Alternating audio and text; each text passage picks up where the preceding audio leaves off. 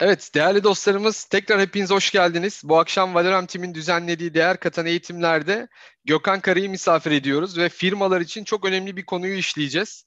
E, müşteri deneyimi. Artık günümüzde e, geliştirdiğimiz ürün ya da hizmetleri doğru fiyatla e, pazara sunmak yeterli değil. Müşterilere yaşattığımız deneyim de çok önemli. Hatta ürünlerimizin kalitesinin hatta fiyatlarının da önüne geçebilecek derecede önemli. O yüzden artık günümüzdeki hem bütün firmalar, markalar ve girişimciler kendi ürün ve hizmetlerini tasarlarken müşterilere yaşattıkları bu deneyime odaklanmış vaziyetteler. O yüzden bu, bu akşam Türkiye'de bu konudaki en yetkin ağızlardan birini dinliyor olacağız bu akşam. O yüzden çok şanslıyız. Sorularımız olursa mutlaka not alalım. E, eğitimin sonunda Gökhan Bey'e yöneltiyor olacağız. Ya da yorumlarınız olursa chat ortamından da bize bildirebilirsiniz.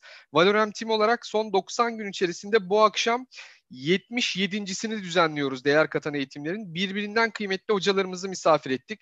Harika eğitimler yaptık. Hepsine YouTube kanalımızdan ulaşabilirsiniz. Kanalımıza abone olmayı unutmayın. Ve şunu rica ediyoruz. Eğer bu eğitimleri faydalı buluyor, beğeniyorsanız mutlaka sevdiklerinizle paylaşın ki daha fazla insana ulaştıralım. Şimdiye kadar canlı yayında 10 e, binin üzerinde, YouTube üzerinden de 50 binin üzerinde insana ulaştırdık bunu. Şu anda 4 binin üzerinde üyemiz var, abonemiz var YouTube'da ama neden bu 40 bin olmasın, neden 100 bin olmasın, neden daha fazla insana buradaki harika içerikleri birlikte ulaştırmayalım diyoruz. Sizlere de çok teşekkür ediyoruz bu akşam. Hem Zoom ortamında hem YouTube'da, Facebook'ta ve Twitch'te aynı anda canlı yayındayız. Oradaki bütün dostlarımıza da tekrar hoş geldiniz diyelim. Sorularınız yine yorumlarınız olursa oraların chat platformlarından iletirseniz ben yine buradan toplantının sonunda Gökhan Bey'e iletiyor olacağım.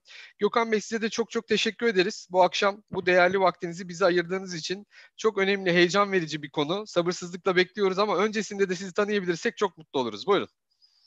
Tabii aslında ben sunumda bir tanışma şeyi slaytta koymuştum. Ee, yani çok kısaca tanıtırsam kendimi ben bir 10 yıldır aslında müşteri deneyim alanında çalışıyorum. Bunun 5 yılı Turkcell'de geçti. 2 yıl Vodafone. Ee, kısa bir süre bankacılık tecrübem oldu. Sonra Enerjisa'da 2 yıl çalıştım. Ve 5 aydır da Pisano'da müşteri deneyim danışman olarak iş hayatıma devam ediyorum diyebiliriz. Süper. Harika. Teşekkür ederiz.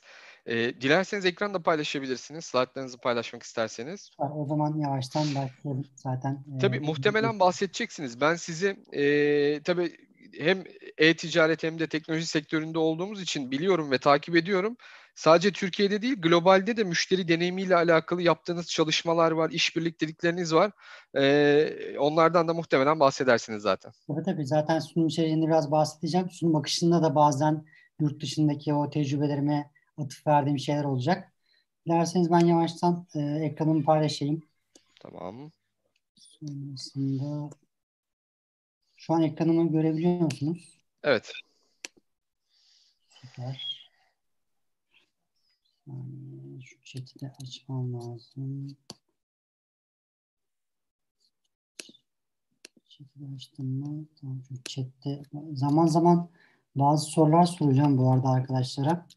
Ee, orada şeyi rica ediyorum. Daha önce benim eğitimime katılmış olan arkadaşlar varsa ki var. Gördüğüm birkaç kişinin ismini. Lütfen hemen yazmasınlar yanıtı. Öncelikle ilk defa beni dinleyenlere e, fırsat verelim. E, sunum bir 45 dakika civarında sürecek. Sonrasında soru cevap yapacağız ama sunumun esnasında sunum devam ederken de soruları varsa lütfen chat alanına yazsınlar. Ben chat alanını bir gözümle e, sürekli takip ediyor olacağım. E, şimdi yavaştan başlayalım. Öncelikle bir ajandanın üzerinden geçelim. Bu arada bağlantımda bir sıkıntı olursa lütfen hemen beni uyarın. Seste, görüntüde. Şimdi ajandada şu var. Yani bu eğitimin adı aslında 6 adımda müşterileri hayranlara dönüştürme adımları. E, 6 adımda müşterilerimizi nasıl hayranlarımız yapabiliriz? Fakat bunlara geçmeden önce bir deneyim dünyasından, deneyim ekonomisinden biraz bahsedeceğim. Sonrasında müşterilerden çok az bahsedeceğiz ve akabinde de bu ikisini birleştireceğiz. Yani deneyim, müşteri ve müşteri deneyimi birleşince ne oluyor? Sonrasında peki biz müşteri deneyimini nasıl iyi yönetebiliriz ve müşterilerimizi hayranlarımıza nasıl dönüştürebiliriz? E, onların üzerinden e, sırayla geçeceğiz. Şimdi öncelikle bir soruyla başlamak istiyorum. Yine dediğim gibi lütfen önceki eğitimlere katılan arkadaşlar hemen yanıtlamasınlar. Ekranda gördüğünüz e, sembol, yazı, e, bunun anlamı nedir veya ne yazıyor olabilir ekranda? Bir tahmininiz var mı? Veya hangi dilde? E, tahminleriniz varsa chat alanına yazarsanız dinlemek güzel tahmin değil.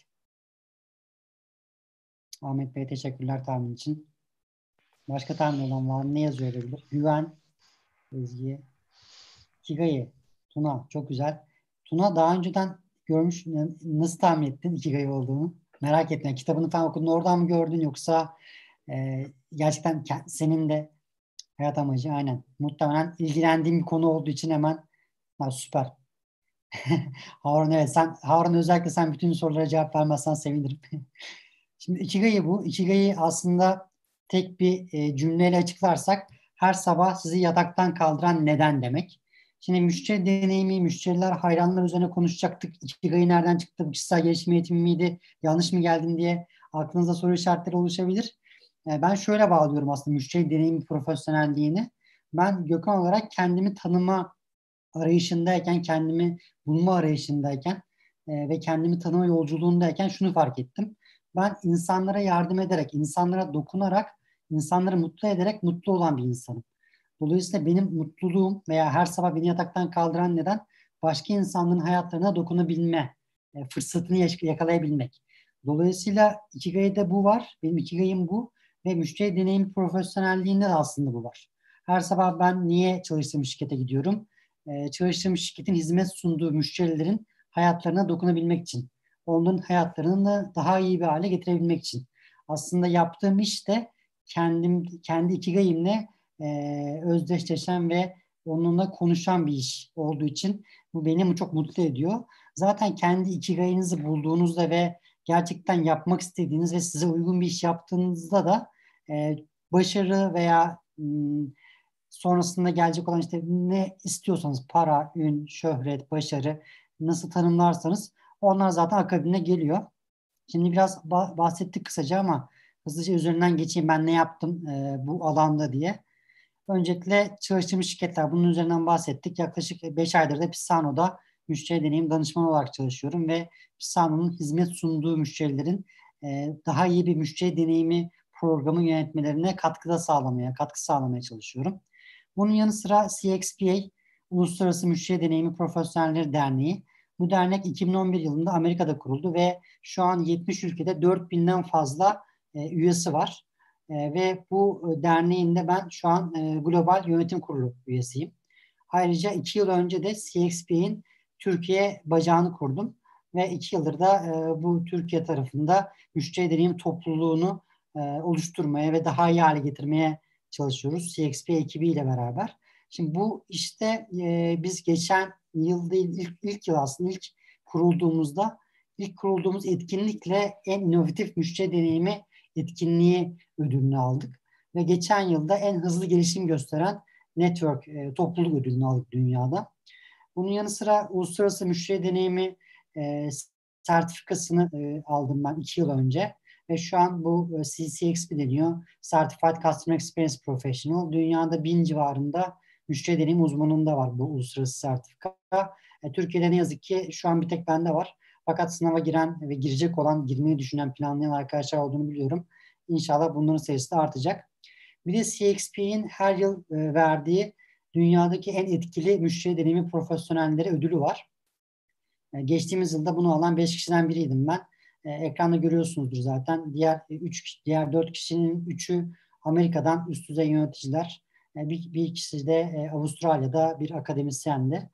Bunun yanı sıra uzun zamandır eğitimler veriyorum. Ben eğitimler ve konuşmalar yapıyorum. 2015 yılından beri her yıl uluslararası müşteri deneyimi zirvelerinde konuşmalar yapıyorum.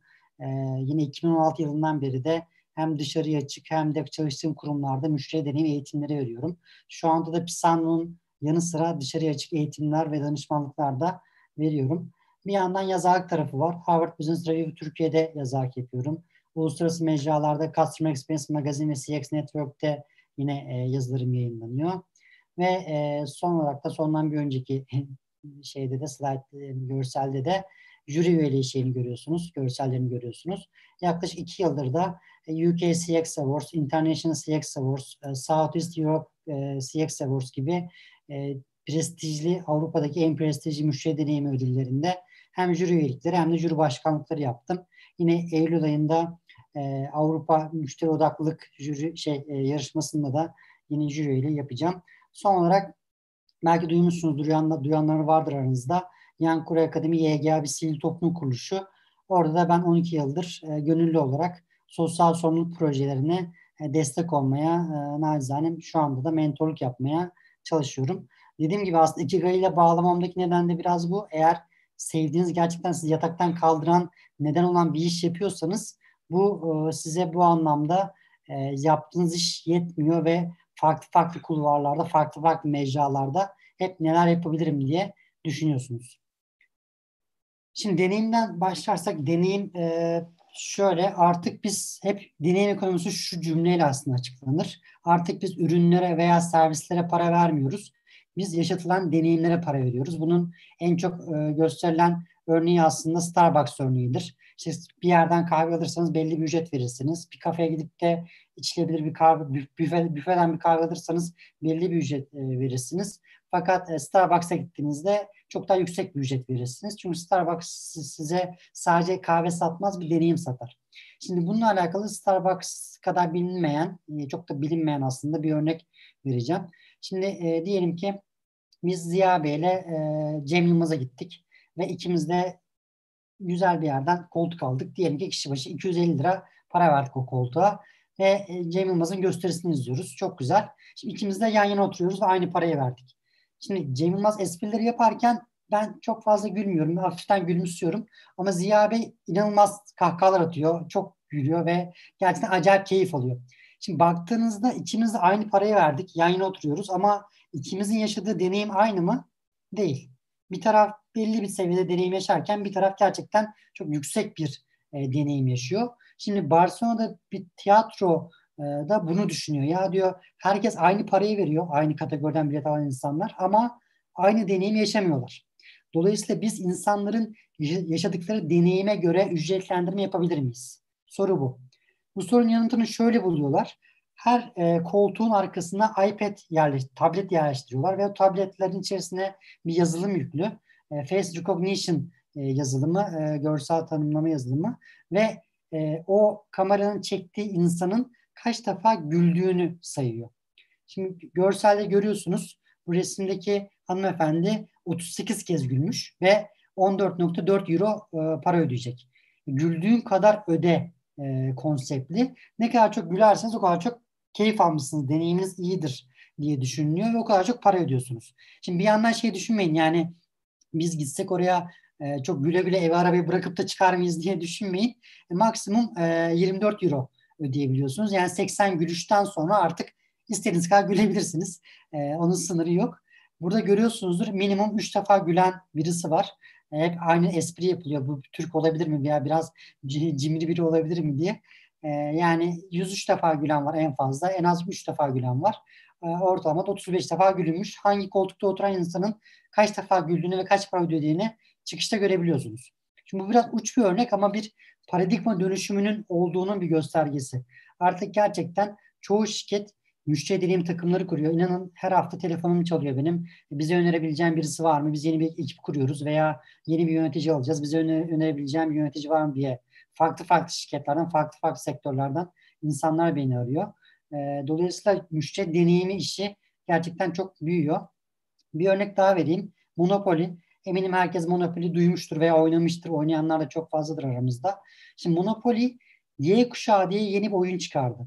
Şimdi şunu düşünün arka tarafta Monopoly. Artık Y kuşağı, X kuşağı gibi ev, araba almıyor. Ne yapıyor Y kuşağı?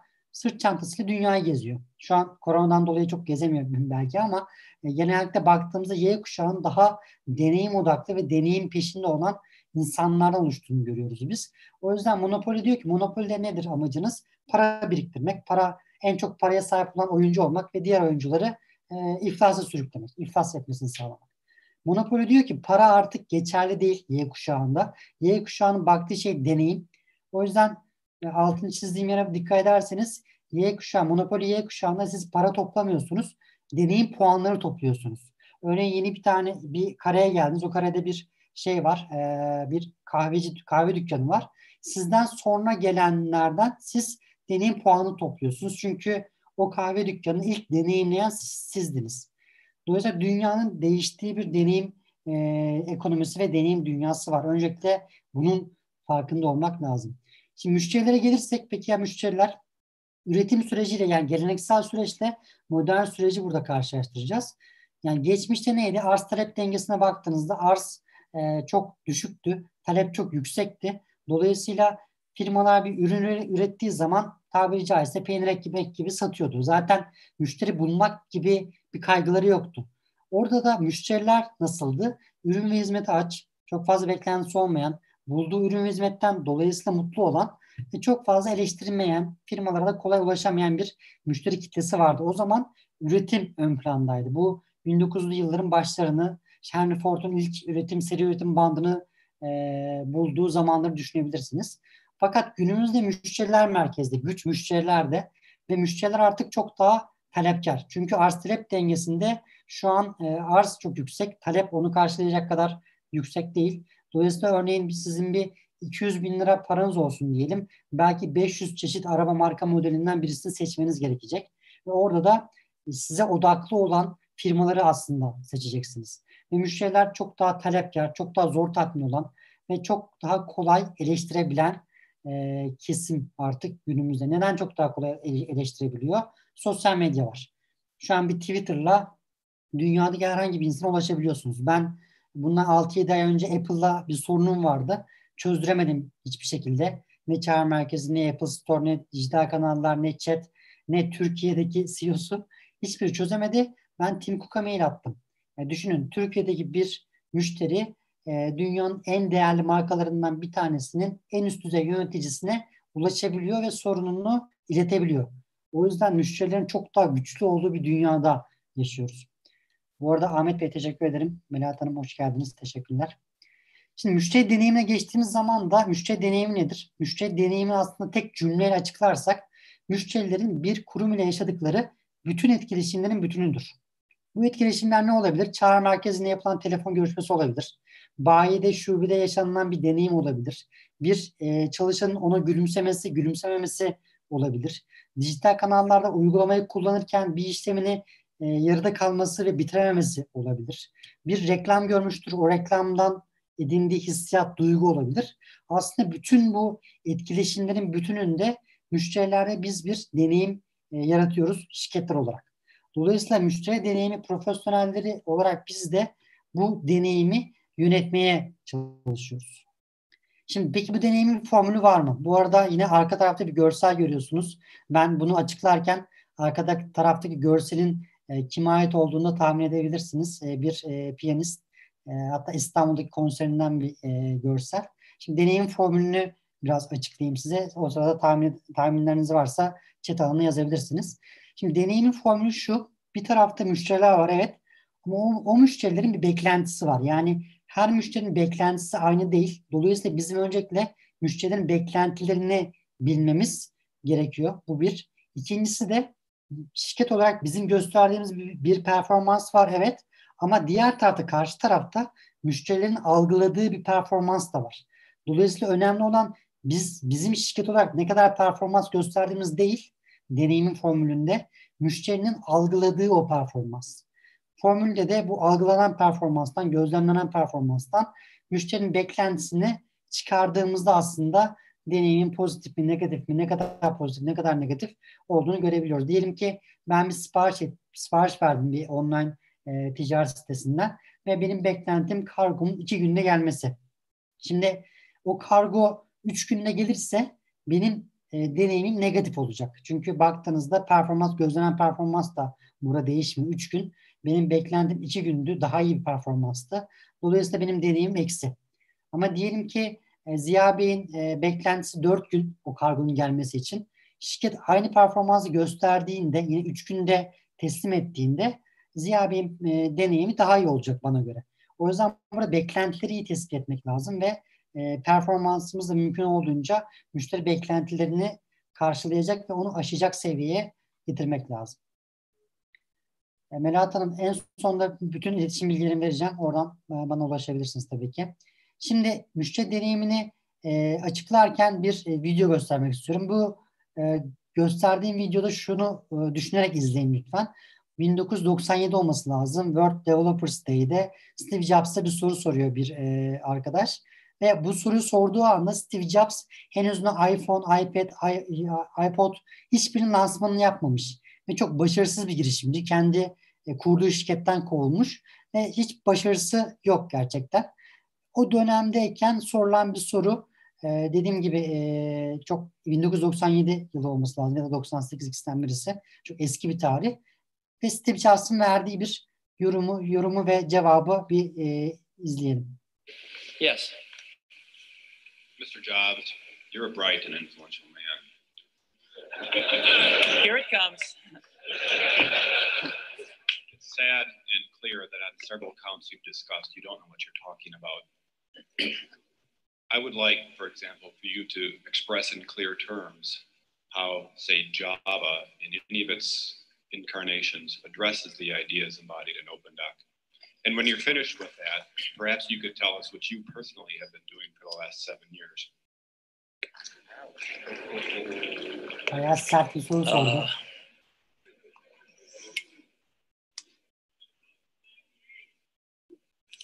you know, you can please some of the people some of the time. But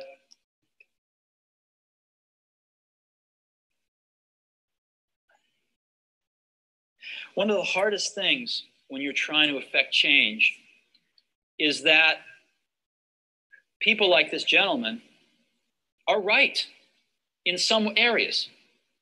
I'm sure that there are some things OpenDoc does, probably even more that I'm not familiar with, that nothing else out there does. And I'm sure that you can make some demos, maybe a small commercial app that demonstrates those things. The hardest thing is what how does that fit in to a cohesive larger vision that's going to allow you to sell um, $8 billion, $10 billion of product a year. And one of the things I've always found is that you've got to start with the customer experience and work backwards to the technology. You can't start with the technology and try to figure out where you're going to try to sell it. And I've made this mistake probably more than anybody else in this room. And I've got the scar tissue to prove it. And I know that it's the case. And as we have tried to come up with a strategy and a vision for Apple, um, it started with what incredible benefits can we give to the customer? Where can we take the customer? Not, not starting with let's sit down with the engineers and and figure out what awesome technology we have and then how are we going to market that Um, and I think that's the right path to take. Steve Jobs diyor ki o zamanlar ben bu hatayı herkesten daha çok yaptım. Hadi dedim mühendisler oturalım hangi teknolojiler var ve biz bunu nasıl hayata geçiririz diye baktım ve başarısız oldum. Ee, ve bunu en, en çok başarısız olanlardan birisi aslında benim. Dolayısıyla işe müşteri deneyimiyle başlayıp teknoloji bunun etrafında bundan sonra aslında yapmanız gerekiyor diyor. Diğer türlü değil. E, şimdi o videoda bir şey söyle. Bu arada Ahmet Bey birazdan sorunuza yanıt vereceğim. Şuraya geçtikten sonra hemen döneceğim ona. Bir, şey söyle Steve Jobs bir yerde. Diyor ki ne yaparsak 8-10 milyar dolarlık bir ürün üretebiliriz diyor. Şimdi biliyorsunuz iPhone'u e, yaptı Steve Jobs Apple. 2018 yılındaki iPhone satışının kaç milyar dolar olduğunu e, biliyor musunuz veya tahmin edebilir misiniz? Düşünün Steve Jobs diyor ki 8-10 milyar dolarlık bir ürün yapsak e, güzel olur. Ama e, acaba ne kadar ol, olmuştur? Tahminlerinizi chat alanına bekliyorum.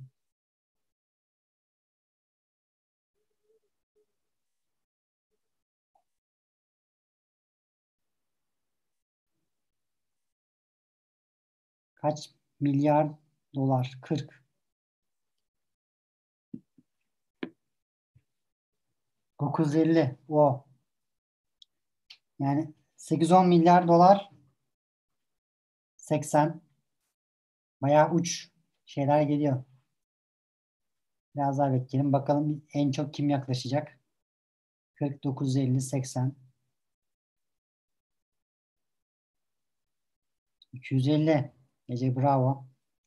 218 milyar dolarlık bir satış yapıyor. Düşünün yani Steve Jobs bile ya bir şey yapalım 8-10 milyar dolar satsa Allah bereket versin diyor. Tabiri caizse ama e, 218 milyar dolar yıllık iPhone satış geliri.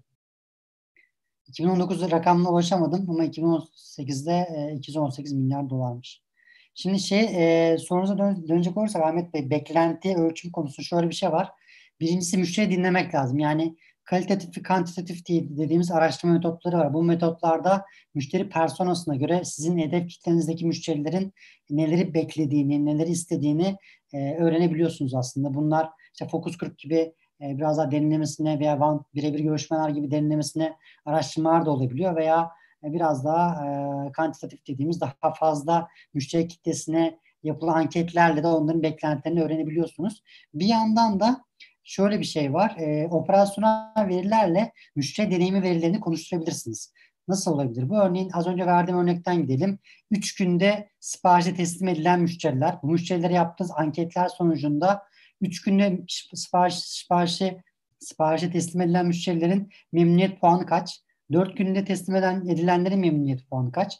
Beş günde teslim edilenlerin memnuniyet puanı kaç gibi aynı müşteri kitlesi için bunu karşılaştırdığınızda Orada yine bir e, bir içgörü elde edebilirsiniz ve ona göre de beklentileri biraz daha yönetebilirsiniz. Android pazar için bilgim yok. Ha, 2019 yılı içinde 260 milyar dolarmış. Teşekkürler. Şimdi bugünün konusuna gelirsek 6 adımda müşterileri hayranlara nasıl dönüştürebiliriz?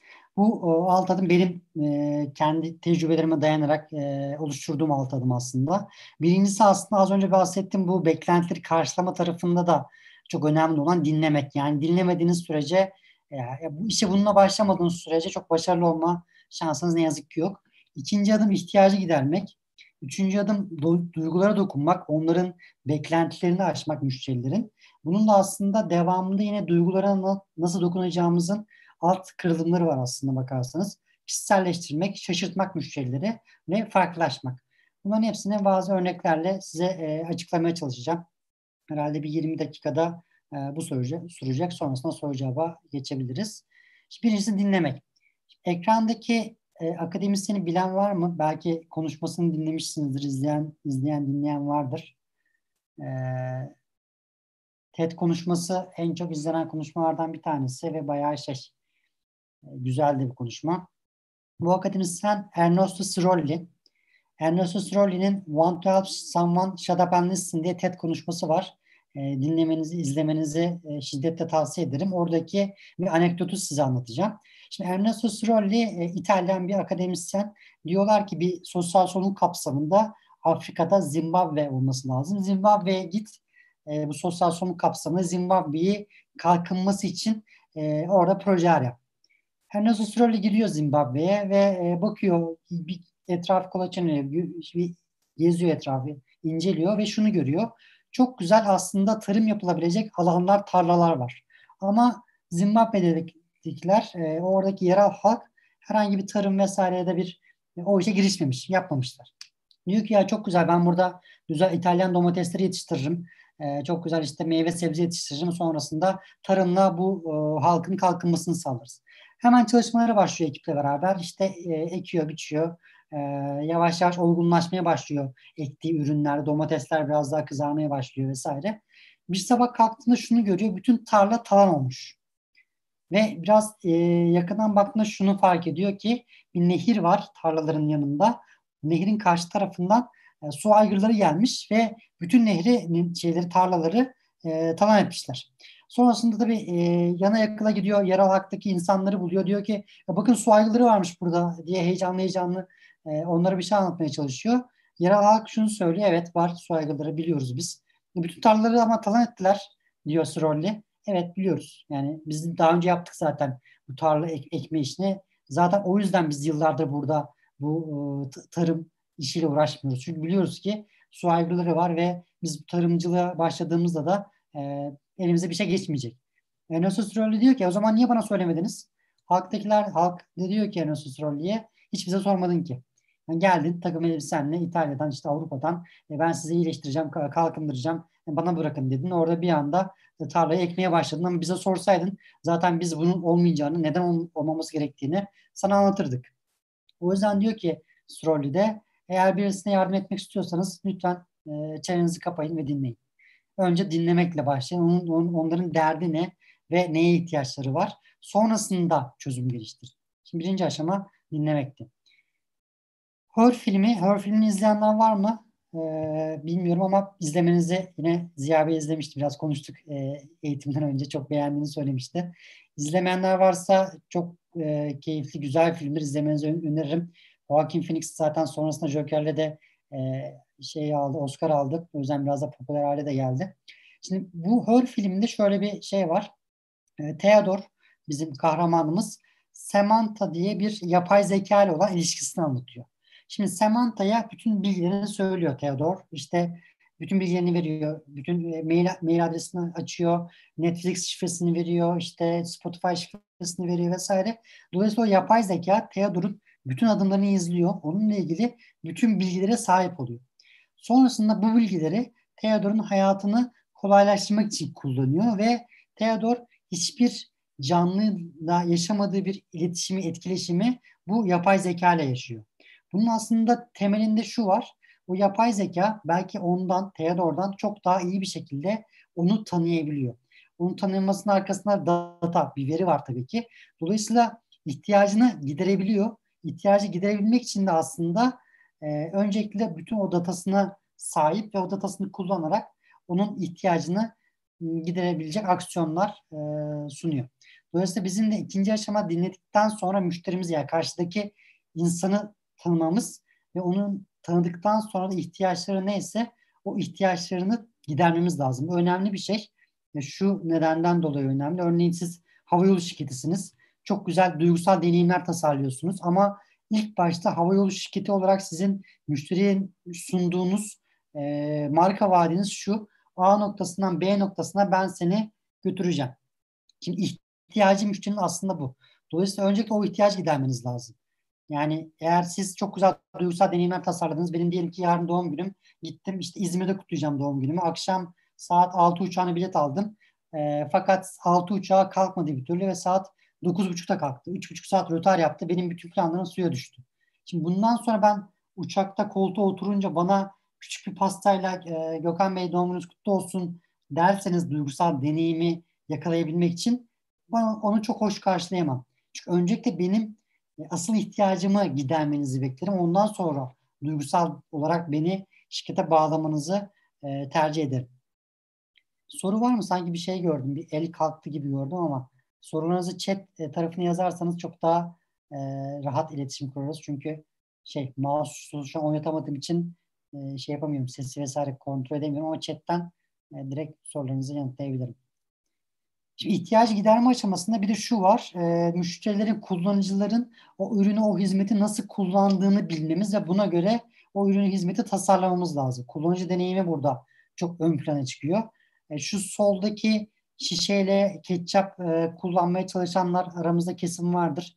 Cam şişe, içerisinde ketçap var. Çok güzel ama cam ağır ve her zaman dibinde ketçap kalır. Ne yapmaya çalışıyorsunuz o zaman da? İşte ters çeviriyorsunuz. Arkasını vuruyorsunuz ki ketçap düşsün bir anda düşüyor ve üstünüze sıçrayabiliyor. Hani üstünüzü batırabiliyor. Gerçekten burada Heinz'in odaklandığı neydi? Ketçap. Ketçapın içerisindeki ürün aslında baktığınızda. Ne kadar domates koyalım, ne kadar acı koyalım, koyalım mı koymayalım gibi.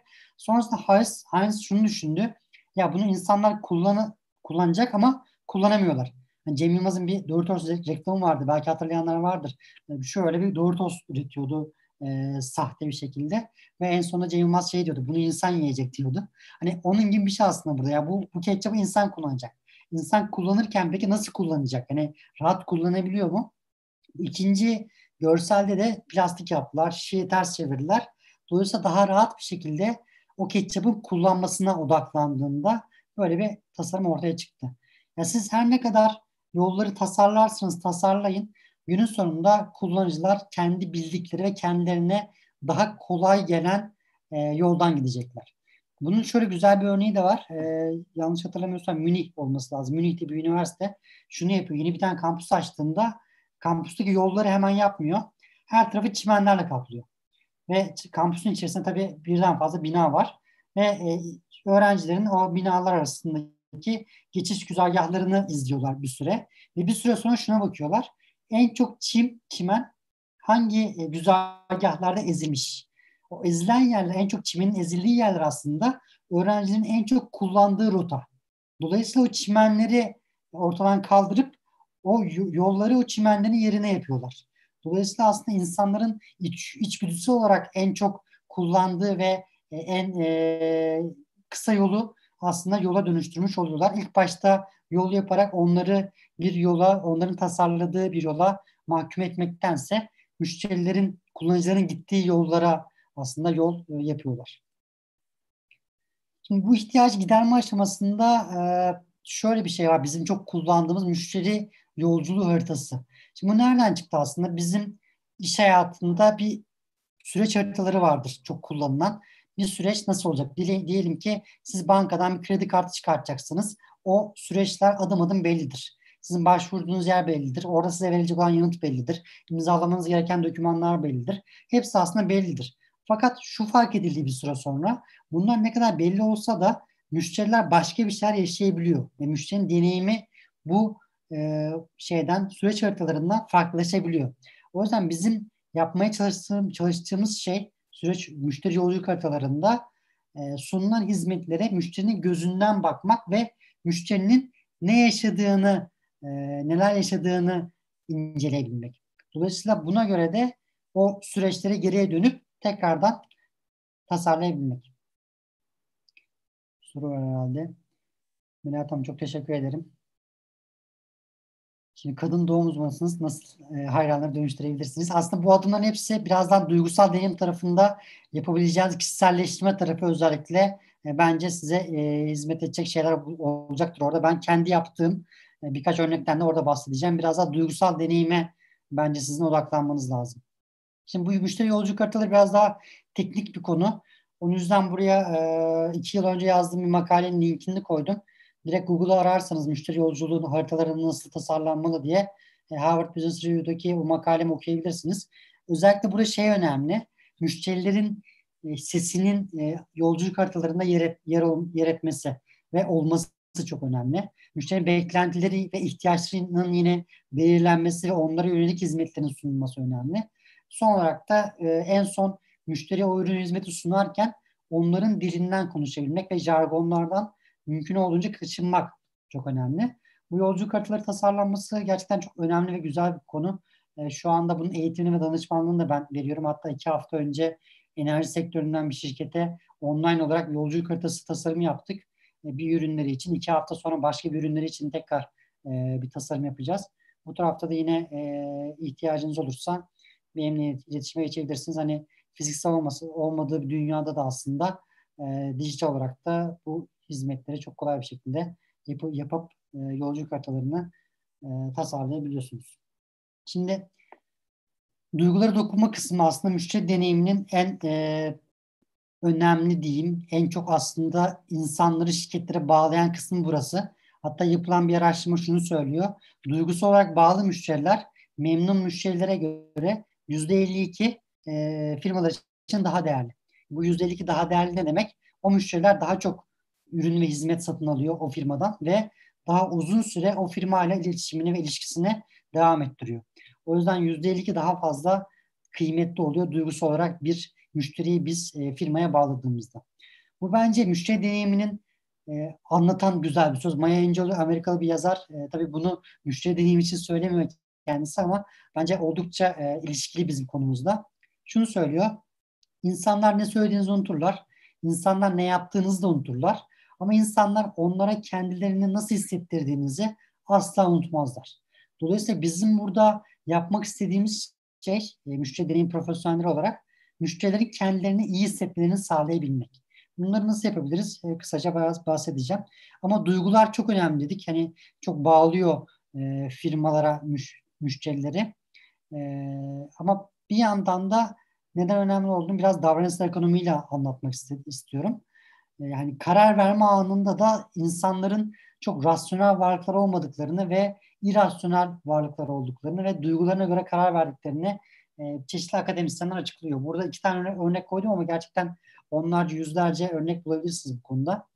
Bir tanesi David Eagleman, e, nörobilim uzmanı. Şunu söylüyor David Eagleman, beyin bir karar noktasına geldiği zaman arka tarafta bir simülasyon oynatmaya başlıyor. Ve kendi kendine şunu soruyor, ben bu karar anıyla veya benzer bir karar anıyla daha önce karşılaştım mı? Eğer evetse bu sorunun yanıtı bir daha bir soru daha soruyor ve diyor ki o zamanki duygularım nasıldı? Pozitif mi negatif mi? Eğer pozitifse okey o kararı veriyorum ve o ürünü hizmeti alıyorum. Eğer negatifse o zaman vazgeçiyorum o kararı e, vermiyorum ve o e, ürünü hizmeti almıyorum. Dolayısıyla burada bir e, daha önceki hafızamızda kalan tortuların ne kadar önemli olduğunu David Eagleman söylüyor. Yine Daniel Kahneman'ın da e, bunu e, akıllı şey pardon e, hızlı ve yavaş düşünme kitabında aslında benliklerle bunu açıklıyor. Remembering Self ve Experience Self dediği hatırlayan benlik ve anımsayan benlikle yine Daniel Kahneman da bunu benzer şeyler sonuçlar açıklıyor. Bir yandan da Dan Ariely benim en sevdiğim akademisyen. O da şunu söylüyor. İnsanlara sorarsanız çok rasyonel olduklarını söylerler. Ama insanlar bir karar aşamasına geldiğinde yaptıkları karşılaştırmalar sonucunda duygularına göre karar verirler diyor. Akıl dışı ama öngörülebilir çok güzel bir kitap. içerisinde e, belki 30-40 tane deney var. Dan Ariely'nin yaptığı.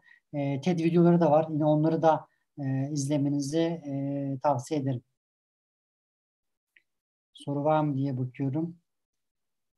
Müşteri deneyimini iyileştirici faaliyetler her yerde ve zamanda tutarlı mı olmalıdır? Örneğin farklı toplumlarda aynı müşteri deneyimi sunmak ne derece doğru doğru değildir.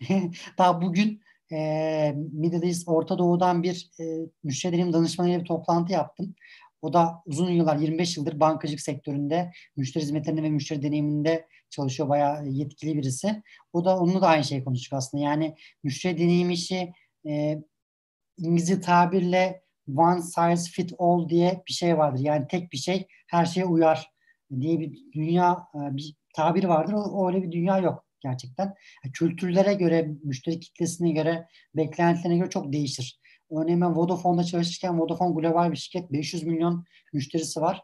En son 100'e yakın ülkede faaliyet gösteriyordu. Yine globalden gelen projelerin ben Türkiye'de uygulanmasından sorumluydum. Ama Türkiye'de uygularken bazı projeleri yine e, kendimize göre değiştirebiliyorduk, güncelleyebiliyorduk. Bazı yerlerde bazı projeleri yapmıyorduk.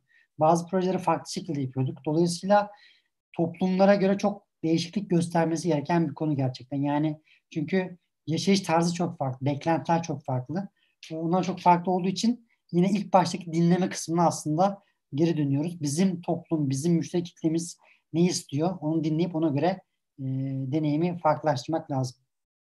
Şimdi bir soru daha sorayım. Sizce ekrandaki gördüğünüz görseldeki işletme nasıl bir işletme? Ne, ne olabilir? Nasıl bir hizmet sunuyor olabilir? Yine Harun, Karolin, daha önceki eğitime katılanlar arkadaşlar yanıt vermezse sevinirim. Tahminleri alayım. Neye benziyor? Kütüphane. Güzel kütüphane diyen hiç olmamıştı herhalde. Kırtasiye, kırtasiye diyen hiç olmamış. Otel diyen çok oluyor ama değil. Okul ilginç, güzel. Çocuk falan olduğu için. Müze girişi, tatil ajan, ajantası gibi olabilir. Doğru. Kahve dükkanı gibi olabilir. Güzel. Hiçbir değil. Çok ya şimdi herhalde belki 25-30 kez anlatmışımdır e, bu görseli. Bir defa bir arkadaş bilebildi. Ve ikinci Yeşim Hanım oldu. Güzel banka. Burası bir banka.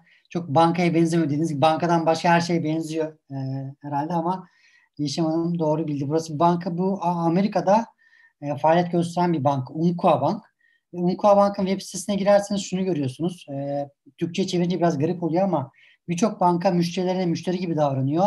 Biz müşterilerimize insan gibi davranırız diyor Umpqua Bank ve Umpqua Bankası'nın bankaların şubeleri böyle gerçekten. İçeri girip de ücretsiz internet kullanabiliyorsunuz. Ücretsiz çay kahve içebiliyorsunuz.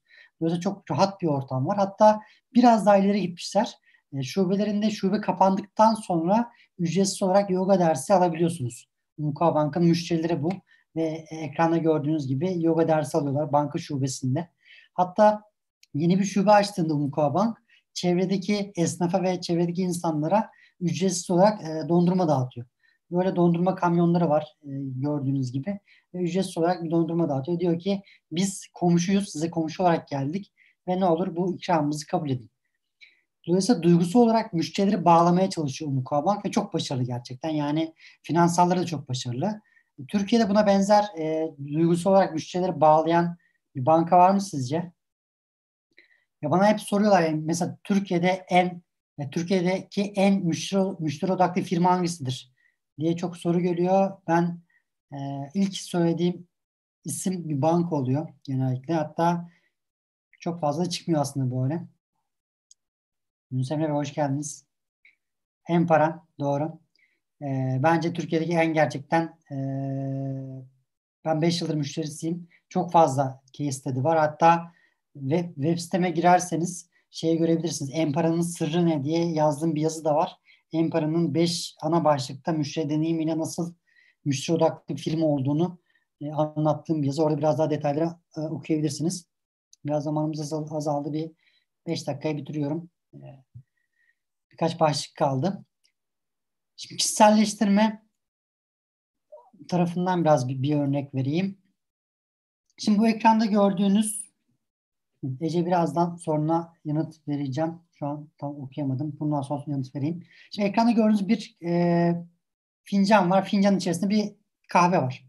Dolayısıyla bu gördüğünüz fincan ve kahve dünyadaki herhangi birinin içebileceği çok da özel olmayan bir fincan ve özel olmayan bir kahve gibi duruyor. Şimdi Starbucks'ın yaptığı şey ne?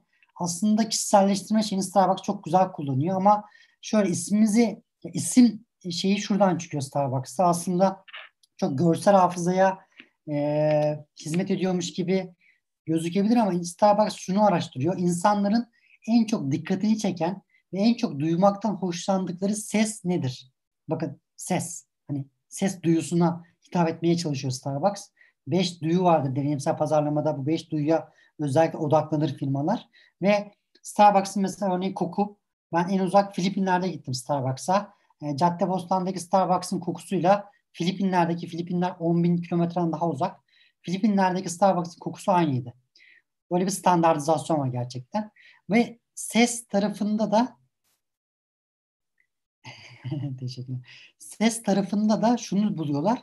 İnsanların kendi ismi en çok e, duymaktan hoşlandıkları ses. Dolayısıyla o yüzden özellikle Starbucks e, bunu yapıyor. Yani size diyor ki e, isminiz nedir? Bardağa yazıyor. Şimdi bardağa yazdığı zaman bir yandan bilinç dışında şunu uyandırıyor. Bilinç dışında oraya isminizi yazdığınız zaman, Ziya yazdığınız zaman o artık dünyadaki herhangi birinin kahvesi değil. O Ziya'nın kahvesi. Dolayısıyla Ziya Starbucks'a herhangi bir kahve içmek için gitmiyor. Ece herhangi bir kahve içmek için gitmiyor. Kendi kahvesini içmek için gidiyor. Fakat biz bunu bilinçli olarak yapmıyoruz. Bilinç dışında aslında bunları e, yapıyoruz. Şimdi bunu düşündüğünüzde biz işimizde bunu nasıl uygulayabiliriz? Şimdi size şeyden bahsettiğim ya ilk e, CXP İstanbul kurduğumuzda ilk etkinlikte şunu düşündük. Biz hepimiz müşteri deneyimi e, profesyoneliyiz. Dolayısıyla oraya gelen insanların da katılımcı deneyiminin iyi olmasını sağlamamız lazım. Ve biz bu insanlara nasıl kişisel, nasıl özel bir deneyim yaşatabiliriz onu düşündük. Ve orada bir anket gönderdik. Öncelikle beklentileri anlamak için dinlemek, şeye gidin, ilk maddeye gidin. İlk başta dinlememiz lazımdı. Ve insanlara sorduk. Nasıl bir topluluk istersiniz? Nasıl bir etkinlik istersiniz? İşte kaç yıldır bu e, iştesiniz? Veya hangi konuları konuşalım gibi. Ve anketin sonunda da şu vardı. En çok içmekten keyif aldığınız çay veya kahve hangisidir? Şimdi ilk başta çok fazla e, bu anlamlı gelmedi aslında katılımcılara. Fakat biz şunu yaptık. Katılımcılar geldiler. 70 kişi katıldı ilk etkinliğe. Biz 30 kişi 30 kişi beklerken işte CXP CEO'su online bağlandı Amerika'dan bir konuşma yaptı vesaire. Sonrasında araya çıktı. 70 kişi araya çıktığında şunu gördüler. Beyaz bir masa var. Bayağı büyük bir masa. Ve masanın üzerinde 70 tane Starbucks bardağı var. Bu 70 Starbucks bardağında herkes kendi ismini veya rumuzunu ne yazdıysa artık o ankete onu buldu. Onu bulduğunda da içerisinde o ankete verdiği yanıttaki kahve ve içecek vardı. Örneğin Gökhan en fazla non-fat latte içiyorum. Yağsız sütlü latte içiyorum ben. Gökhan Kara'yı bulduğumda yağsız sütlü latte de e, içtim. E, normalde nedir? E, bir e, etkinliğe gittiğinizde kafe break'te normal filtre kahve vardır. Belki şanslıysanız kurabiye de içebilirsiniz ama orada Ziya çay latte içiyorsa Ziya o gün çay latte içti. Ve bunun gibi birkaç etki, bir şey daha aksiyon daha yaptık biz. Ve orada 14 e, farklı etkinlik arasından ki bu 14 farklı lokasyon e, Londra'da vardı, e, Cape Town'da vardı, Chicago'da vardı. Dünyanın her tarafında yapıldı o organizasyon, müşteri deneyimi günü kutlaması. Ve biz o 14 farklı lokasyon arasında en inovatif CX Day e, etkinliği yapan e, topluluk olduk ve e, İstanbul olarak, CX İstanbul olarak bu ödülü aldık. Dolayısıyla burada anlattığım her şeyi siz kendi yaptığınız işlerde de düşünebilirsiniz. Mesela az önce bir örnek vardı kadın doğum uzmanı e, örneği. Orada da mesela size gelen hastaların hasta deneyimi de şu an çok popüler. Birçok şeyde var hasta deneyimi bölümleri. Ben Acıbadem'de, Memorial'da hasta, hasta deneyimi uzmanların çalıştığını ve o departmanların olduğunu biliyorum. Size gelen hastaların deneyimini nasıl e, yönetebilirsiniz ve nasıl daha iyi getirebilirsiniz? Bunları kişiselleştirmeyle, onlara özel yolculuk haritalarını tasarlayarak yine yapabilirsiniz. Şaşırtma ve farklılaşma kal. Şaşırtmadan bir örnek vereyim. Zappos dünyadaki en müşteri, müşteri odaklı firmalardan bir tanesi. Zappos'un CEO'su arkadaşıyla otururken arkadaşı şunu söylüyor. Yani sen çok güzel söylüyorsun. Senin çağrı merkezindeki arkadaşlar çok müşteri odaklı ama ben şu an acıktım. Bu arada Zappos bir e-ticaret şirketi ve e, internet üzerinden e, ayakkabısı var. Sipariş yapabiliyorsunuz. Yani Trendyol, hepsi burada gibi bir şirket. Ve diyor ki ben şu an senin şirketini arasam, Zappos arasam ve desem ki ya ben çok acıktım. Acaba etrafta açık pizza restoranı var mı diye sorsam o arkadaşlar, çağrı merkezindeki arkadaşlar bana ne söyler? Şimdi Zappos'un CEO'su Tony Seş biraz şaşır, şaşırıyor. Hani şeyi düşünün. Trendyol'u arayıp da etrafta bir lahmacuncu var mı açık diye sorduğunuzu düşünün ve alacağınız cevabı hayal edin. Hayal edin. Lütfen yazmayın chat alanına. Hani çok e, farklı cevaplar alabilirsiniz. Burada arıyor e, Tony Seç'in arkadaşı ve karşıdaki agent şunu söylüyor. Bir dakika bekler misiniz? Bir dakika bekliyor telefonda. Sonrasında bir dakika sonrasında şunu söylüyor. Kalem kağıt var mı? Not, al not alabiliyor musunuz? Et, etraftaki civardaki açık olan 3 pizza restoranının hem telefon numarasını hem de adresini veriyor o insana. Dolayısıyla Zappost'ta öncelikli olan karşıdaki insan. Ben bu insan için buradayım ve bu insanın ihtiyacı neyse onu karşılamak için varım. Bu her zaman benden hizmet almak anlamına gelmiyor. Örneğin siz Zappost'ta bir tane ayakkabı beğendiniz ama Zappost'ta yok ayakkabı, Amazon'da var. Zappost'taki arkadaş şunu söylüyor size ya 39 numara bizde kalmamış ama ben Amazon linkini buldum sizin için. Amazon linkini size gönderiyorum. Amazon'dan satın alabilirsiniz.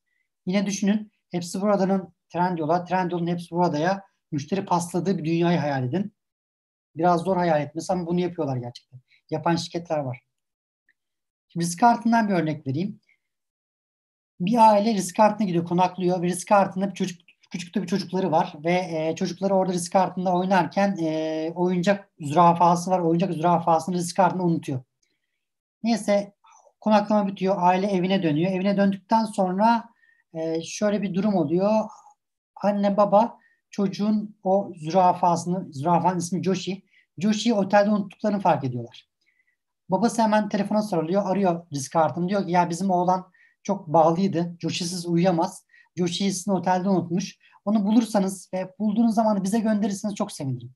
Şimdi normal şartlarda ne yapmasını beklersiniz otelin? İşte Joshi'yi bulabilir kargolu, kargolayabilir. Belki kargo ücretini almaz. Hani en fazla kargo ücretini almaz diye düşünebilirsiniz. Şunu yapıyor oradaki çalışanlar. Ya diyor biz bu kargoyu göndereceğiz ama karşı tarafta ağlayan bir çocuk var ve kargo iki günde gidecek. O yüzden biz çocuğa özel bir şeyler yapalım. Çocuğa adına yazılmış bir mail yazıyorlar. Diyorlar ki işte Joshi bizimle, işte çocuğun adı neyse adını şu an unuttum. İşte Joshi bizimle merak etme. Biraz daha tatilini uzattı. Bir de bize, bize biraz daha yardımcı olacak burada ve e, Joshi'nin keyfinin yerinde olduğunu anlaman için sana birkaç tane fotoğraf gönderiyoruz diyorlar. Ve maile birkaç tane fotoğraf ekliyorlar. Şimdi mail eklenen fotoğraflar şu fotoğraflar. Joshi güneşlenirken, Joshi e, masaj yaptırırken görüyorsunuz gözünde salatalıklar var. Golf arabasıyla etrafı kulaçan ederken, Joshi güvenlik ofisinde etrafa güvenlikte, güvenlikte asayiş Berkeman diye bakarken. Şimdi bu baktığınız zaman ne kadar maliyetli bir aksiyon? Hiç değil mi? Yani hiç maliyeti yok. Ama en çok anlatılan 10 müşteri deneyimi hikayesinden birisidir ve Ritz-Carlton gerçekten çok müşteri odaklı bir firma. Ben e, geçen yıl Ritz-Carlton Türkiye'ye benchmark yapmaya gittim. Orada da gördüm. Birçok e, güzel e, noktaları var yaptıkları. Şimdi burada tabii ki zaman yetmez ama e, şeyde eğitimlerimde özellikle bir saati ben e, risk kartına ayırıyorum ve case study'sini anlatıyorum. Neleri iyi yaptıklarının ve nasıl ilham alabileceğimizi. Dolayısıyla bu da müşterileri şaşırttığımız zaman da yine bağ kurmaktan e, bağ kurmakla alakalı güzel bir örnek. Son olarak farklılaşmak. Ekrandaki ünlü e, danışmanı, yazarı tanıyan var mı? Alttaki Morinek'ten e, belki şey yapabilirsiniz. İpucu alabilirsiniz. Morinek ve bir ünlü bir duayen. Kawasaki değil. Çok doğru. Risk kartınız sloganı o. Çalışan mottosu. Bizler hanımefendilere ve beyefendilere hizmet eden hanımefendiler ve beyefendileriz. Seth Godin doğru aynen. Mika. Mika yanıtı da her zaman geliyor. Şimdi Seth Godin'in e, Morinek analojisi şu. Seth Godin diyor ki bir arabayla yolculuk ettiğinizi düşünün. Yol kenarında inekler var. İnekler gördüğünüz zaman e, o inekleri yani, arabayı durdurup da o ineklere bakar mısınız? Bakmazsınız. Yani çünkü inekler normal inek yani niye bakasınız ki? Ama mor bir inek görürseniz o arabayı durdurup da o mor ineğe bakarsınız diyor. Dolayısıyla farklılaşmak çok önemli. Peki biz çok farklılaşabiliyor muyuz? Geçenlerde olan bir şey vardı. Ünlü, siz de eminim Twitter'da denk gelmişsinizdir. Bu arada şey ben 5 e, yıl Turkcell'de 2 yıl Vodafone'da çalıştım. Dolayısıyla hani herhangi bir şeyim yok. Hiçbir telekom operatörüne zaten eski işverenlerim. Ama genellikle ne yazık ki böyle bir durumla karşılaşabiliyoruz. Bu, burada da bir sistemsel bir sorun oldu ve operatörlerin hepsi kendilerinden kaynaklı bir sorun olmadığını paylaştılar. Yani böyle yaparak çok da ne yazık ki farklılaşamıyorsunuz. Gerçekten müşterinin gözünde şeffaflık ve dürüstlük çok önemli. Bunun bir örneği var mı? Evet var. Getir. Getir'in yaptığı bir şey bu örneğin. Bu korona zamanında e, belki denk gelmişsinizdir. Bir e, yanlış hatırlamıyorsam Ataşehir'deki bir Getir e, şubesinde bir arkadaş korona şüphesiyle gözaltına alınıyor. Şey, gözaltına demeyeyim de e, gözlem altına alınıyor bir hastanede. Ve onu getir duyuruyor. Yani bakın henüz şey yok. Henüz ne e, pozitif negatif herhangi bir şey belli değil. Fakat belli olmamasına rağmen getir diyor ki ya biz size e, bunu açıklama gereği duyuyoruz. Bu arkadaşımız şu an e, tetkikte, gerekli tetkikler yapılıyor ve sonucunda sonuç olduğu zaman da yine size şeffaflıkla açıklayacağız.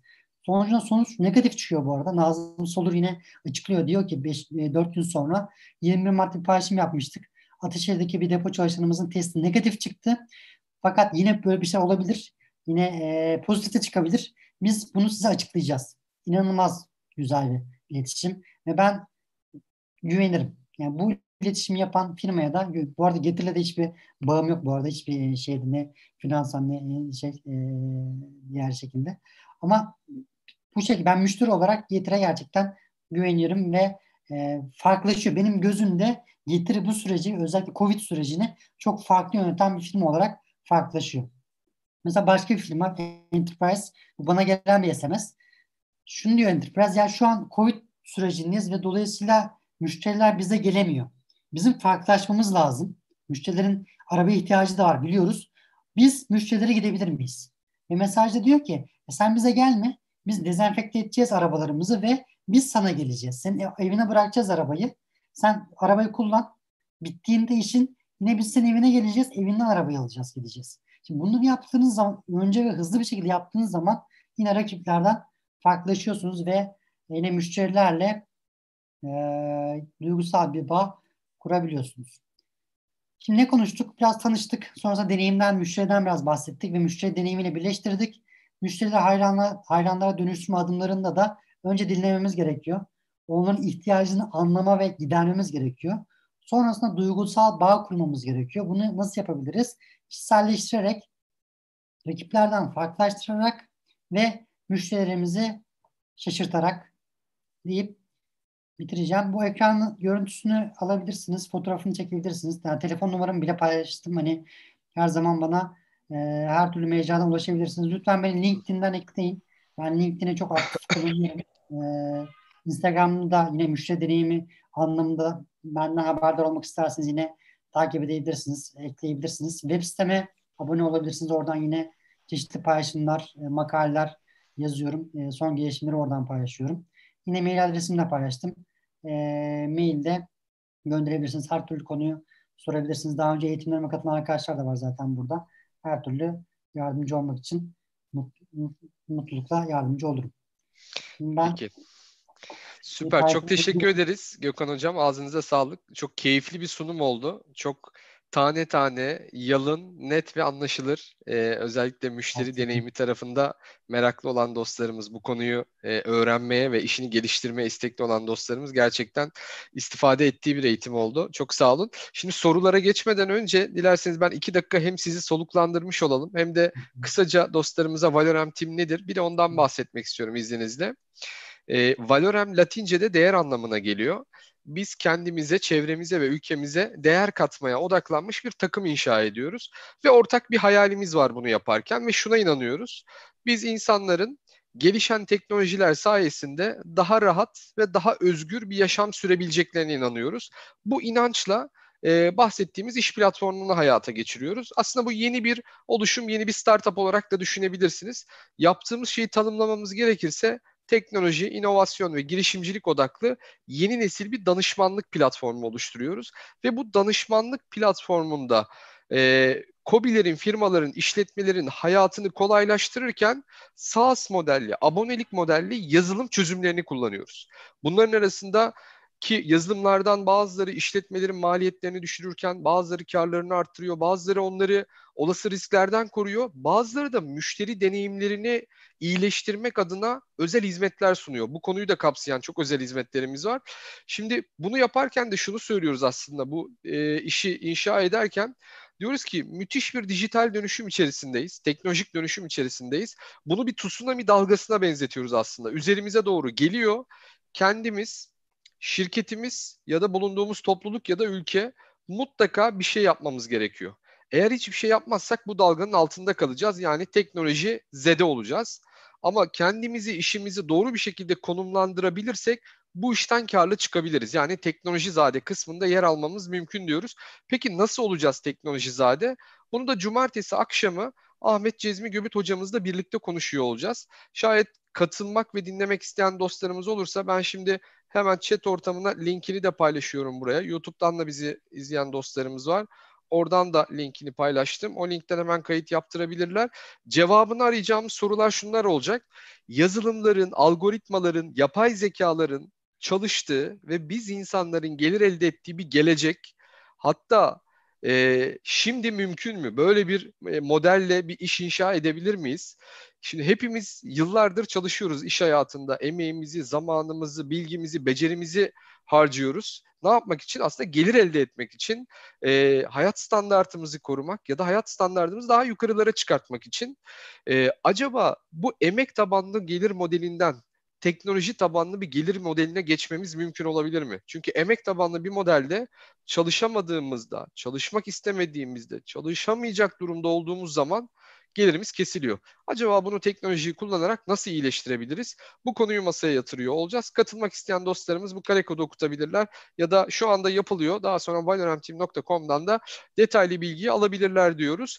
Bizim için geri bildirimler inanılmaz önemli. Bu akşam 77.sini yaptık. Dolayısıyla bu eğitimlerde hangi konuları işlememizi istersiniz, hangi hocalarımızı, eğitmenlerimizi misafir etmemizi istersiniz, bize bizle bunu paylaşırsanız e, çok mutlu oluruz. Bizim kendimizi geliştirmemiz için sizin fikirleriniz, değerlendirmeleriniz bizim için çok kıymetli diyoruz. Burada da yine geri bildirim tarafında çalışmış olduğumuz bir firmanın e, ürününü de deneyimleme şansınız olacaktır. Meraklı Marlo üzerinden. Yine bir önceki gönderdiğim linkten de girip e, burayı e, doldurabilirsiniz. Şimdi bu akşam müşteri deneyimini konuştuk. Yarın akşam yeni nesil liderlik, ekip yönetimi, uzaktan ekip yönetimini konuşuyor olacağız. Sonra çok özel bir premium bir eğitimimiz var. LinkedIn'de alanımızın lideri nasıl olabilir? Yeni bağlantılar nasıl kurabilir? Yeni e, fırsatları nasıl, nasıl yakalayabiliriz? Özel bir eğitimimiz var. Yine aynı linkten bunların detaylarına ulaşabilirsiniz. E, bu eğitimlerimize de kaydolabilirsiniz diyoruz ve şimdiye kadar yaptığımız bu eğitimde dahil 77 eğitimin videolarına YouTube kanalımızdan ulaşabilirsiniz. E, sayı her geçen gün artıyor. 4000 üzerine çıktı ama yani neden 40 bin olmasın, neden 100 bin olmasın? Müthiş hocalarımız var, müthiş içerikler üretiyorlar. Yani Gökhan Hocam'ın bu akşam anlattığı bu eğitim bence iş hayatında olan, ticaret yapan ya da ticaretini geliştirmek isteyen herkesin dinlemesi gereken bir eğitim. O yüzden e, sizden ricamız hem eğitim videolarımızı hem de YouTube kanalımızı sevdiklerinizle, dostlarınızla paylaşmanızı rica ediyoruz. Eğer memnunsanız ve bundan bir fayda görüyorsunuz. Bizi e, Instagram'dan da takip edebilirsiniz. Zaten toplantımıza kaydolduysanız haftalık, haftada bir iki e-maillerle size toplantılarımızı, eğitimlerimizi haberdar ediyor olacağız diyelim. Ben şimdi sorulara geçeceğim. E, toplantının öncesinde formdaki sorulara da baktım. Orada da güzel sorular var. E, Gökhan Hocam bir tanesi şuydu. E, şimdi biliyorsunuz müşteriye yaşattığımız deneyim çok önemli. E, aslında offline dünyada yaşattığımız kötü deneyimin yankısı online dünyada yaşattığımız kötü deneyimin yankısıyla yan yana getirince uçurum var diyebiliriz. Yani online tarafta kötü bir deneyim yaşattıysanız müşteriye o kötü deneyim o kadar hızlı ölçekleniyor, büyüyor ve farklı kanallardan ve e, size yansıyor ki markanıza markanızı bile tehdit edebiliyor. Tabii dijital dünya hmm. geliştiği için müşteri deneyiminin önemi de giderek artıyor bu nedenden dolayı. Ama oldu ya kötü bir deneyim yaşattık müşterimize. Online ya da offline. Çok önemli değil. Bunu telafi edebilmekle alakalı önerileriniz olur mu? Nasıl telafi etmemizi önerirsiniz? Bir kere şey çok güzel söylediniz. E, Jeff Bezos'un bir sözü var. Amazon'un kurucusu bildiğiniz gibi şey söylüyor. Fiziksel bir dünyada müşteriyi mutsuz ederseniz o kişi gidip 6 kişiye söyler anlatır bunu. Ama online bir dünyada 6 bin kişiye anlatır diyor. Hatta benim eğitimlerime e, katılan arkadaşlar bilirler. Ben bir video gösteriyorum.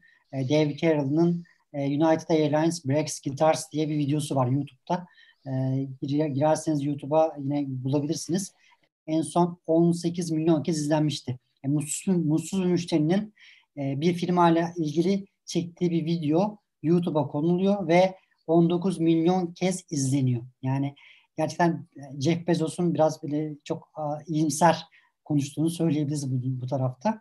Orada bizim hizmet telafisi dediğimiz bir e, tabir devreye giriyor aslında. Hizmet telafisi tabiri caizse müşterinin gönlünü almak demek. Şimdi orada öncelikle şunu yapmak lazım müşterinin problemi ne? Öncelikle o problemi çözmek lazım. Hemen müşterinin gönlünü almaya gitmek veya telafi senaryolarını yapmak değil. Öncelikle müşterinin asıl problemi neyse o problemi çözmek lazım. Örneğin e, risk kartından bir örnek vereyim. Risk kartına geçen yıl yaptığımız benchmarkta e, İK direktörünün bahsettiği, e, verdiği bir örnekti bu. E, iki yıl önce risk kartının hemen yanında bir inşaat e, varmış ve dolayısıyla müşteriler gürültüden çok şikayetçiymiş. Şimdi orada gürültüden şikayetçi olan bir müşteriye normalde bir siz bir otelde bir deneyim yaşadığınızda bir kötü bir deneyim yaşadığınızda ne olur? İşte meyve tabağı gelir, meyve sepeti gelir. Belki bir içecek gelir. Yani bir şekilde standart değil mi? Yani o tarz şeyler yapılabilir. Ama orada şunu söylediler. E, gürültüden şikayet eden bir müşteriye bizim meyve sepeti göndermemiz çok anlamlı değil. O müşteri gürültüden şikayet ediyorsa öncelikle biz şuna bakıyoruz. Acaba daha az gürültü alan bir odaya değiştirebilir miyiz? Öncelikle asıl sorunu ne? Biz o sorunu çözebilir miyiz? Şimdi bakılması gereken şey öncelikle o. Sonrasında gürültü ne oluyor? Gürültülü bir ortamda bulunduğunuzda sinir, stres, kas sayınız artıyor. Dolayısıyla o müşteriye bir spa hediye edebilir miyiz? Bir masaj hediye edebilir miyiz? Ki gerçekten sinirlerini biraz daha yatıştıralım, biraz daha onu gevşetelim. Biraz daha aslında o kötü deneyimi atlatmasını sağlayalım. O yüzden hani müşteri birincisi o sorun neyse o sorun çözmek. İkincisi o yaşadığı kötü deneyime göre bir telafi senaryosu e, tasarlayıp o telafi senaryosunu uygulamak diye yanıtlayabilirim bunu. Hatta Gökhan Bey benim aklıma şey geldi. Müşteriye yaşatılan kötü deneyimi de böyle e, çok iyi bir şekilde toparlayıp oradan müthiş bir PR etkisi çıkartmak da mümkün olabiliyor. Mesela olabiliyor. çok sık yaşanıyor artık ama ilk zamanlarda e-ticaret hayatımıza girdiğimizde Amazon'un buna benzer böyle efsane e, yapmış olduğu e, müşteriye karşı jestler vardı. Yanlışlıkla işte e, siparişini veriyor. işte yanlış bir ürün geliyor. Binlerce dolarlık ama o hatayı telafi etmek ya da onu mutlu edebilmek için o binlerce dolarlık ürünü onda Kesinlikle bırakıyor aslında. falan gibi değil mi? Aynen böyle çok örnek var. Hatta ben de çok yaşadım. Yani mesela A'dan Z'ye garanti var e, Amazon'da. Bir kitap kitabım gelmemişti. Onu Amazon'a yazdım. Direkt ücret iadesi yapıldı. Yani şeye sormuyorlar bile. Kargoda mı kaldı? İşte şeyle e, o kitaba böyle iletişime geçmeniz lazım gibi şeyler yok. Hani gerçekten hemen anlık olarak size e, destek olabiliyorlar. Ve şey bir şey daha söyleyecektim orada unuttum ama neyse aklıma gelirse tekrar şey yapayım. Peki güzel bir soru Evet. daha var. Ee, Ece, şimdi var, sorusu var. O arada şey olmasın. Chat'te Tabii, ben onu şey Hemen, yaparken atladım. Ee, sunum devam ettiği için. Bu okey. soruyu okudum ben. Onu hemen bir cevaplayayım kısaca. Şimdi Design Thinking'den biraz bahsetmiş Ece. Ee, Design Thinking metodolojilerini biz çok kullanıyoruz. Servis tasarımında, müşteri deneyimi yönetiminde e, bunun bir farkı nedir ve ne gibi bağlantısı vardır diye. E, bir kere şey çok önemli tabii bu servis tasarımı, tasarım odaklı düşünce yapısına sahip olmak müşteri deneyim uzmanları için çok önemli bir şey ama e, bu bir e, araç aslında. Yani tasarım odaklı düşünme bir e, araç olarak bakabiliriz. Müşteri deneyimi tarafında bizim yaptığımız şey biraz daha çok daha kapsamlı. Yani örneğin çağrı merkezine gelen şikayetlerle de ben ilgileniyorum. Bu şikayetlerin azalması için de proje yapıyorum müşteri deneyim uzmanı olarak.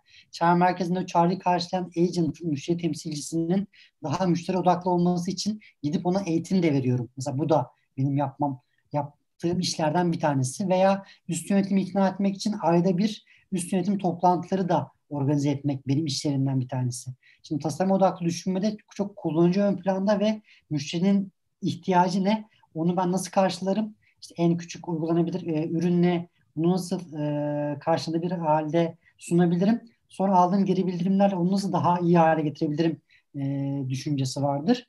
Bizim müşteri deneyiminde bunu tabii yaptığımız alanlar var ama biraz daha büyük resimde müşterinin firmayla yaptığı tüm etkileşimlerde tüm etkileşimlerin daha iyi hale getirilmesini nasıl sağlarım? Bu firmada nasıl yaparım bunu? Müşteri dokunan kanallarda nasıl yaparım? Gibi daha kapsamlı bir dünyadan bahsediyoruz diyebilirim. Evet hatta Gökhan Hocam şey de diyebiliriz yani sadece müşterilerin deneyimi değil belki çalışanların deneyimi de çok önemli. Bir yandan iş ortaklarının deneyimi de önemli. Hatta e, bu Virgin Hava Yolları'nın kurucusu olan beyefendi şey diyordu. Evet Richard Branson şey diyordu. Yani e, ancak mutlu müşteriler mutlu çalışanlarla oluşturulabilir diyordu. O yüzden çalışanlarınızı mutlu ve onların deneyimini e, iyi hale getirebilirseniz e, bu müşterilere ister istemez yansıyor gibi bir örnek vermişti. Şimdi bir konu daha var. Şimdi müşterilerin öncelikleri, beklentileri çok hızlı değişiyor artık günümüzde. Evet. Yine toplantıya katılmadan önce forma yazmış bir dostumuz. Bu kadar beklentilerin hızlı değiştiği bir dönemde müşterileri anlamaya çalışmak zor değil mi? Bunu nasıl başaracağız diyor. Zor sürekli dinleyerek. Yani ben şu an çalıştığım şirket Pisano bir müşteri deneyim ölçüm yönetim e, platformu. Dolayısıyla mesela çalışan deneyiminde de o var. Yani baktığınızda bir Covid oldu. Bütün çalışan deneyimi değişti. Artık herkes evden çalışmaya başladı. Şimdi ofisten çalışmak da evden çalışmak iki taraf yani aynı insan, aynı çalışan ama beklentileri, ihtiyaçları çok değişiyor. Dolayısıyla müşterilerin de aynı şekilde. Dünya çok değişiyor, teknoloji çok değişiyor. Dolayısıyla bizim sürekli olarak müşterilerin nabzını tutabileceğimiz hatta bizim e, çalışan deneyim için tasarladığımız bir araç da var Pisano'da. Ona pulse diyoruz, nabız diyoruz. Gerçekten çalışanın nabzının nasıl attığını e, öğrenebildiğimiz, sürekli onu anketlerle, sürekli onu e, farklı farklı şekillerde dürterek tabiri caizse ondan geri bildirim alma e, yöntemlerimiz var. Dolayısıyla burada e, yine ilk baştaki bu altı maddenin birinci maddesine geliyoruz. E, sürekli müşteriyi dinleyerek, sürekli onun yanında olarak aslında, onun geçtiği yollardan geçerek. Yani ben hep şey örneğini veriyorum. Müşteri deneyimi klimalı toplantı odalarında, genel müdürlüklerde yapılacak iş değildir. Ben e, Enerjis'de çalışırken Ataşehir'deki klimalı bir toplantı odasında müşteri yolculuk haritası çizersem Adana'da 40 derece sıcaklıkta o yolculuğu yaşayan müşteriyi anlayamam. benim de gidip o müşteri görmem lazım, anlayabilmem lazım. O deneyimi yaşamam lazım. O deneyimi yaşayan müşteriyle konuşabilmem, sürekli onu dinleyebilmem lazım. Dolayısıyla bence oradaki e, anahtar nokta müşterileri sürekli etkili şekilde dinleyebilme metodolojisini e, hayata geçirebilmek. Sürekli düzenli geri bildirim almak gerekiyor. Kesinlikle. Çok güzel. Peki bir, bir, ben bir, bir konuda sizin düşüncenizi merak ediyorum hocam. Şimdi Türkiye'de e, bir problem yaşayan müşterilerin şikayetlerini yazdıkları bazı portallar var. Ya şimdi siz bir müşteri deneyimi uzmanı olarak bu portalları nasıl değerlendiriyorsunuz? Hem firmalar için hem müşteriler için hem oluşturduğu etki için nasıl görüyorsunuz? İyi ki varlar. yani şöyle e, ben işi biraz yani dediğim gibi ben müşteri deneyim uzmanlığının hayranı olan bir insanım ve kendimde bir müşteriyim. Dolayısıyla müşteri eğer bir yerde kötü bir deneyim yaşıyorsa bence onun sesinin duyulabiliyor olması lazım. Ve e, duyulabiliyor olması lazım ki firmalar daha müşteri odaklı olsunlar. Yani bir müşteri, bir, bir şirket benim e, sorunumu bir ay boyunca çözmüyorsa e, onun biliniyor olması lazım ve e, değerli bir şekilde ele alınıyor olması lazım. O yüzden bence bu portaller iyi ki varlar. Dediğim gibi ben de müşteri olarak bir e, Apple'la yaşadığım deneyimi çözdüremedim bir şekilde. Çağrı merkezi, hı hı. işte Apple Store, e, Türkiye'deki genel müdürü Reyşan Hanım'a yazdım çözülmedi. E, ne oldu? İşte en sonunda Tim Cook'a yazmakta buldum yani sorunu ve çözüldü. Yani bir şekilde çözülüyor sizin sorunuz. Bence o platformların olması firmaların daha müşteri odaklı olmasını da sağlıyor. Bir yandan müşterilerin de gerçekten iyi bir hizmet almasını da sağlıyor. O zaman şey diyebilir miyiz? Hem girişimcilere hem de firmalara bu tarz e, platformları mutlaka e, özenle yönetmeleri gerekiyor. Yanlış. Çünkü ben bazı firmaları biliyorum ki orası yok gibi davranıyor. E, işte ne bileyim orada account açmıyor, oraya cevap yazmıyor. Şöyle düşünüyorlar. Ben oradan gelen bir yoruma şikayete cevap yazarsam bütün müşteriler gidip oraya yazar. E, bundan sonra biz zaten müşteri hizmetleriyle uğraşıyorum. Bir de gidip oraya bir mesai harcamam gerekir diye düşünüyorlar ama bu doğru değil. Bu firmalara Dave Carroll'ın e, 18 milyon izlenip de United Airlines'ın bir gecede marka değerini 1.6 milyar dolar düşürdüğü e, case'i anlatmak lazım bence. O zaman yani oraya yazdı. Mesela orada da Dave Carroll 3 ay boyunca uğraşıyor sorun çözdürmek için. Telefonla uğraşıyor, işte genel müdürlüklere gidiyor vesaire çözdüremiyor sorunu. Şimdi müşteri o platformu yazacak, çağrı merkezine arayacak, Twitter'dan yazacak ama bir şekilde o müşteri size bir yerden dokunacak. O müşteri dokunmasa başka bir müşteri dokunacak. Yani halının altına süpüremezsiniz. O e, pislikler bir yerde karşınıza çıkacak ne yazık ki. Evet, bir de artık öyle bir dünyadayız ki müşterinizin kim olduğunu e, kestirmek çok zor. Yani bir bakıyorsunuz bir influencer oluyor. Arkasında binlerce, on binlerce, milyonlarca insan olabiliyor ki ben bunu birçok kez yaşadım. E, e-ticaret sektöründe memnuniyetsiz müşterilerin bazıları influencer olup işte YouTube'da ya da farklı platformlarda çektikleri videolarla, içeriklerle birden şikayetini böyle milyonlara ulaştırdığını Türkiye'de de şahit oldum. Gerçekten dediğiniz gibi. Peki çok teşekkür ederiz. Gökhan Bey'in bilgilerini istemiş tekrar. Az sonra videoyu kapatınca YouTube'dan o ekrandan bütün bilgileri alabilirsiniz. Bütün bilgiler videoda oluyor olacak. Benim gözden kaçırdığım bir soru var mı Gökhan Hocam? Siz de chat'e baktınız ama. Bir şey sorusu vardı. Mehmet Bey'in sorusunu yanıtlamadık. Instagram üzerinden yapılan mobilya satışlarında ürünü denemeye ait deneyim yaşatmak zor. Bu tarz satışlarda müşteri deneyimini nasıl takip edebiliriz? Ya doğru zor bir alan gerçekten. Ya orada şey var yani e, yine bu Enterprise'in yaptığı örneği verebilirim. Yani Enterprise ne dedi? Müşteriler bize gelemiyor. Biz müşterilere gidebilir miyiz? Şimdi Instagram üzerinden mobilya satışı yapıyorsunuz.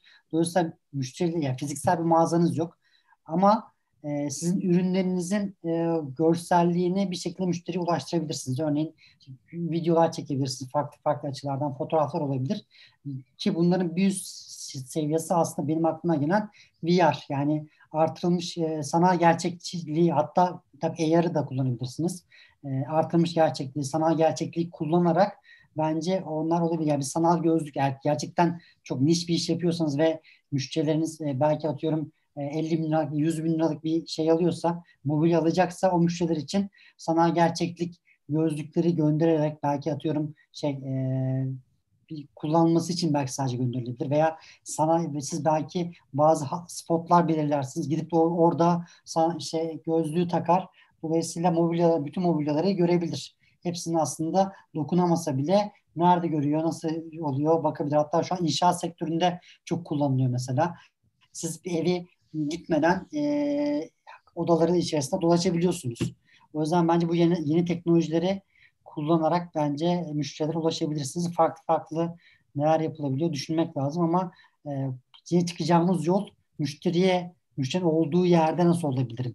Müşteri bana gelemiyor e, veya ben fiziksel mağaza oluşturamıyorum. Peki ben müşteriye nasıl gidebilirim sorusunu sorduğumuzda farklı çözümler bulunabilir. Peki süper Gökhan Hocam. Çok teşekkür ederiz. Ağzınıza sağlık. Son olarak bir şey söylemek istiyorum. Sizin üniversitelerle işbirlikteliği yaparak böyle eğitimler verdiğinizi biliyorum. Şayet takviminiz uygun olursa biz de şimdi çok kıymetli hocalarımızı misafir ediyoruz. Böyle birer saatlik özel eğitimler alıyoruz ama bazı konular var ki gerçekten çok derin. Bugün Tabii konuştuğumuz gibi yani bunu 3 saatlik, 4 saatlik, 5 saatlik eğitimlerde bu konuya hakim olup o uygulamaları hayatımıza geçirmemiz mümkün. Biz mesela ilkini LinkedIn eğitimiyle bu perşembe yapıyor olacağız. Rabia Hanım'la çok özel bir detay eğitim yapıyor olacağız. Sizin de takviminiz olursa Valorant Team takipçilerine özel ve çok daha ulaşılabilir imkanlarla bir eğitim programı açmamız mümkün olur mu? Tabii ki olur. Tabii ki. Onu da şey yapalım. Yani dediğiniz gibi benim e, bazı üniversitelerde şeyim var. E, sürekli eğitim merkezlerinde eğitim veriyorum. 3-5-6 saat dediğiniz 40 saatlik eğitimim de var. Benim bir sertifika evet. programı. Bir arkadaşımla beraber verdiğimiz, müşteri dediğimiz sertifika programı var. 40 saat sürüyor. Gerçekten yani derya deniz e, bir konu. Müthiş. Hatta güzel bir haber. Yeni dönemde bir özel üniversitede lisansta müşteri deneyim eğitimi eğitim değil dersi tabii ki artık ders olacak. Müşteri deneyimi dersi de vermeye başlayacağım. O yüzden e, sizle de güzel bir içerik, farklı bir içerik, size özel bir içerik, belki biraz daha seviyesini yükseltip belki uygulamalı bir şeyler yaparsak e, bence keyifli olabilir. Her zaman açığım ben. Tamam süper. Şimdiden çok teşekkür ederiz. Bunu netleştirdiğimiz zaman kendi aramızda mutlaka dostlarımızı da haberdar ediyor olacağız. Onlar da müşteri deneyimi konusunda kendilerini ve işlerini geliştirmek istiyorlarsa kaçırmasınlar diyelim şimdiden. Evet 77. değer katan eğitimlerde bu akşam Gökhan Kara'yı misafir ettik e, şu anda günümüzün en kıymetli alanı müşteri deneyimi konusunu masaya yatırdık. Çok keyifli bir eğitim söyleşi oldu. Bütün katılan dostlarımıza ve Gökhan hocamıza çok teşekkür ederiz. E, değer katan eğitimlerimizi beğeniyor ve fayda görüyorsanız lütfen sevdiklerinizle paylaşın. E, daha fazla insanın hayatına değer katalım diyoruz. E, bütün katılan dostlarımıza tekrar çok teşekkürler. Teşekkür ederim ben de. Çok sağ olun. Dediğim gibi her zaman iletişimde kalmaktan mutluluk duyarım. Herhangi bir sorunuz olduğunda her zaman konuşabiliriz. Tekrar teşekkürler. Her, herkese iyi akşamlar diyelim. Görüşmek üzere. Kendinize iyi bakın. Selamlar, sevgiler. İyi akşamlar.